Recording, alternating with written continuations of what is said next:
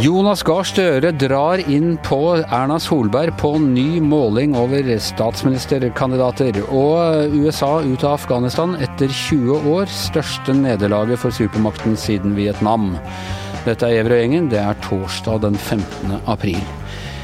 Ja, uh, Tone Sofie Aglen. I dag starter Arbeiderpartiet sitt digitale landsmøte. Og det var litt av en måling uh, Jonas Gahr Støre fikk i ryggen der? Ja, han uh, har jo vært nesten som bestilt. Tidligere uka så har jo Arbeiderpartiet gått fram og gjort gode målinger. Det snakka vi jo om podkasten her om dagen. Men i tillegg så har det jo også kommet statsministermålinger, bl.a. hos oss i VG, som viser at Jonas Gahr Støre tar innpå Erna Solberg. Og det må tror jeg må være særdeles gledelig nytt i Arbeiderpartiet, for det har nok eh, vært regna som en sånn eh, stor hemsko for partiet at Erna Solberg har vært så overlegen i popularitet som det hun har vært lenge. Jeg hørte han var på Politisk kvarter i morges, og han sier det som man alltid må si når man blir presentert for målinger, om at det er bare én måling og det er valget og sånne ting. Men han var ganske glad i stemmen, vil jeg si. Ja, sånn sånn virker mye mer letta enn det han har vært. Og jeg må jo si, jeg skrev jo om den målinga tidligere i uka, og jeg måtte jo leite ganske lenge i arkivene for å finne et, et bilde hvor Jonas Gahr Støre så blid ut.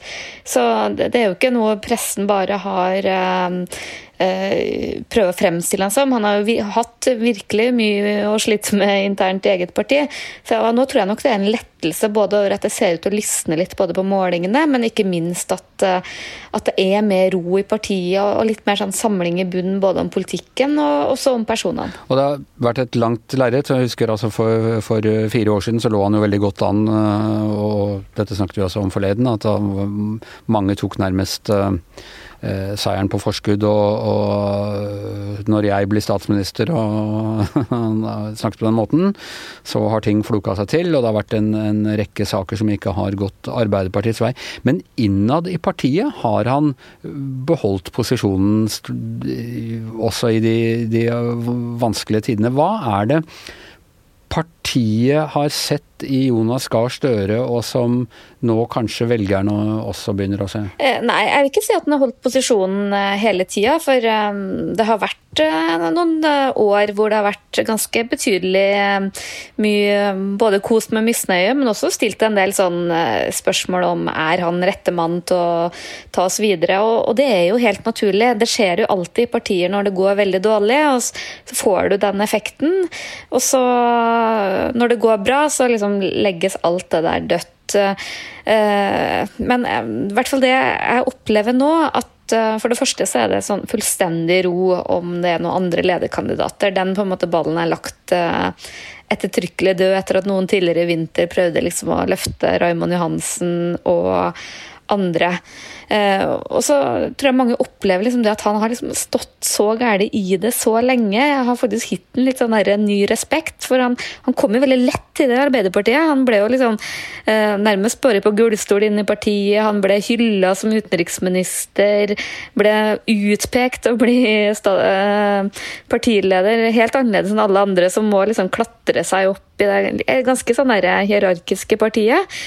Så kom han veldig lett til det, men deretter så har det gått eh, vært motbakke på motbakke. Og så har vi sett da at mm, Senterpartiet har kommet inn. De har stjålet både fra hva skal du si, fra, fra Fremskrittspartiet i øst og, og, Arbeiderpartiet mm, i vest. Og en stund så, så var det snakk om at Trygve Slagsvold Vedum ville kunne utfordre Støre som, som statsministerkandidat på, på rød-grønn side, og nå, nå, ser det ikke sånn ut. Hva er det Har øh, øh, Støre klart å ta disse velgerne tilbake? Er det andre velgergrupper han øh, har appellert til? Hva, hva er liksom hva er eh, skruene og mutterne i denne nye oppslutningen? Jeg tror nok uh, først og fremst at det er Arbeiderpartiets egne velgere som har fått litt sånn tilbake trua på partiet. Klatra ned fra gjerdet, som vi kaller det. Og det er nok noen som har rømt til f.eks. Senterpartiet, eller særlig Senterpartiet, som nå har vendt hjem. og jeg tror nok det, det, er jo noe med å gi ting tid. Eh, tiden leger alle sår, også i Arbeiderpartiet. Eh, de har eh, snakka veldig mye om eh, distriktspolitikk.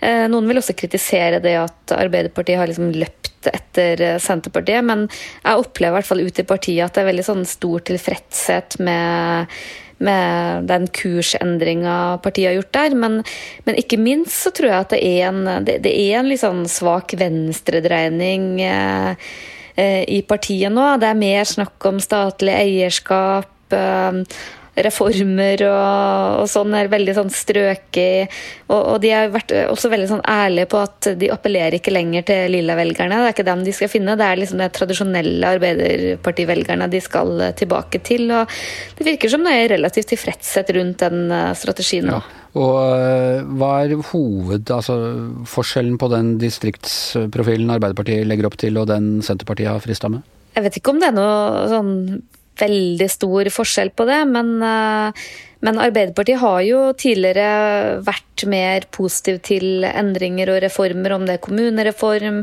lensmannsreform uh, uh, ment på en måte at det er helt nødvendig. Da. Utdanning nå, nå, har de på en måte endra både retorikk og politikk på det området, og mye mer opptatt av um, desentralisert. Og, og det, det, er ganske langt unna det, det man liksom forbinder med Stoltenberg og um, det, de store reformer. Nå går de altså inn i et landsmøte som du da følger eh, digitalt. Eh, spesiell måte skulle dekke Arbeiderparti-landsmøte på, selvfølgelig, hvor å følge med i korridorene og alt mulig sånn. Og, og den store utfordringen, konkrete utfordringen foran helgen er jo da eh, rusreformen, og hørte Støre på, altså på Politisk kvarter på NRK i, i morges. Han det, Altså, i den grad han har eh, blitt beskyldt for å være for uh, uklar tidligere, han var ikke akkurat klokkeklar der heller? Nei, og han har jo sagt at han vil på en måte ikke presentere sitt syn før det skal eh, konkluderes. Og jeg tror ikke det er sånn kjempebra for Arbeiderpartiet at det er liksom alt rundt deres landsmøte handler om rusreform, for det tror jeg ikke akkurat appellerer så veldig bra til de vanlige folkene som de hele tida snakker om. Det skulle nok gjerne heller vært arbeidsledighet og helse og andre saker. Men eh, jeg tror nok eh, den rusreformen lever særdeles farlig på det landsmøtet. og er vanskelig for å se for meg at eh, de kommer til å å gå inn for den. Det handler både om at den avkriminaliseringsbiten er altfor kontroversiell i det brede laget av partiet, men også litt om hvem som har laga den eh, reformen. Jeg tror ikke de kommer til å støtte en reform fra høyre og venstre, men vil nok heller ha en større finger med i spillet sjøl når, når, eller hvis de vinner valget. Og det er flere måneder igjen til valget, og det er fullt mulig for Arbeiderpartiet å rote bort den eh, ja. medvinden, så, så, Jeg tror nok at det er sammenligna med for fire år siden, at det en, en mye større bevissthet i Arbeiderpartiet om at uh, det kan skje. De tar ikke den seieren på forskudd, men, men, også i Høyre så er det, opplever ikke at de har pakka kofferten og er klar for å flytte ut. Så det, det, er ingen grunn til å slutte å følge med verken på det eller på vår podkast. Nei, som vi sier hver eneste gang her, dette blir en knallspennende valg, og det gjør det, det, gjør det faktisk. Eh, vi skal utenriks. Eh, forleden så kom da beskjeden om at USAs president Joe Biden skal trekke de siste troppene, amerikanske troppene ut av Afghanistan. Og det skal han gjøre på selveste 11. september skal da eh, de siste ut. Det er da 20-årsmarkeringen for, for, angrepet på New York og, og Pentagon i, i 2001. Uh, per Olav Ødegaard, du har skrevet en meget god kommentar om dette som folk kan finne i VG i dag. og Der trekker du da sammenligningen til Vietnam, altså det mest kjente tapet i uh, amerikansk krigshistorie, hvor de, hvor de, måtte trekke seg ut i 1975 og gi opp da en kamp som da hadde vart i uh, over ti år. Nå er det snakk om 20 år, og har USA egentlig oppnådd noe som helst i Afghanistan? Ja, disse to krigene er jo de to lengste i amerikansk historie. Afghanistan er den lengste, med 20 år. Ja, Dobbelt så lang omtrent. Nettopp. Så, og det opprinnelige, Vi får se på det som var det opprinnelige målet for USA, å gå inn i Afghanistan eh, høsten 2001 og vinteren inn i 2002. Det var jo å frata Al Qaida en trygg havn for sine baser i Afghanistan. De fant jo raskt ut at eh, Osama bin Laden og hans eh, terroristnettverk sto bak angrepene mot USA. Og da fikk Taliban, som hadde gitt Al Qaida en mulighet til å operere fra Afghanistan. De fikk et ultimatum. De måtte enten oppgi fullstendig støtten til Al Qaida, eller så ville de selv bli utsatt for angrep. Og det ble de jo veldig raskt. Og eh, det var forholdsvis Det tok forholdsvis kort tid å fjerne Taliban fra makten. Og eh, mange av lederne, inkludert bin Laden, flyktet jo da over grensen til Pakistan. Det som skjedde etterpå, var jo at argumentet, eller målsettingen ved å bli i Afghanistan ble en annen.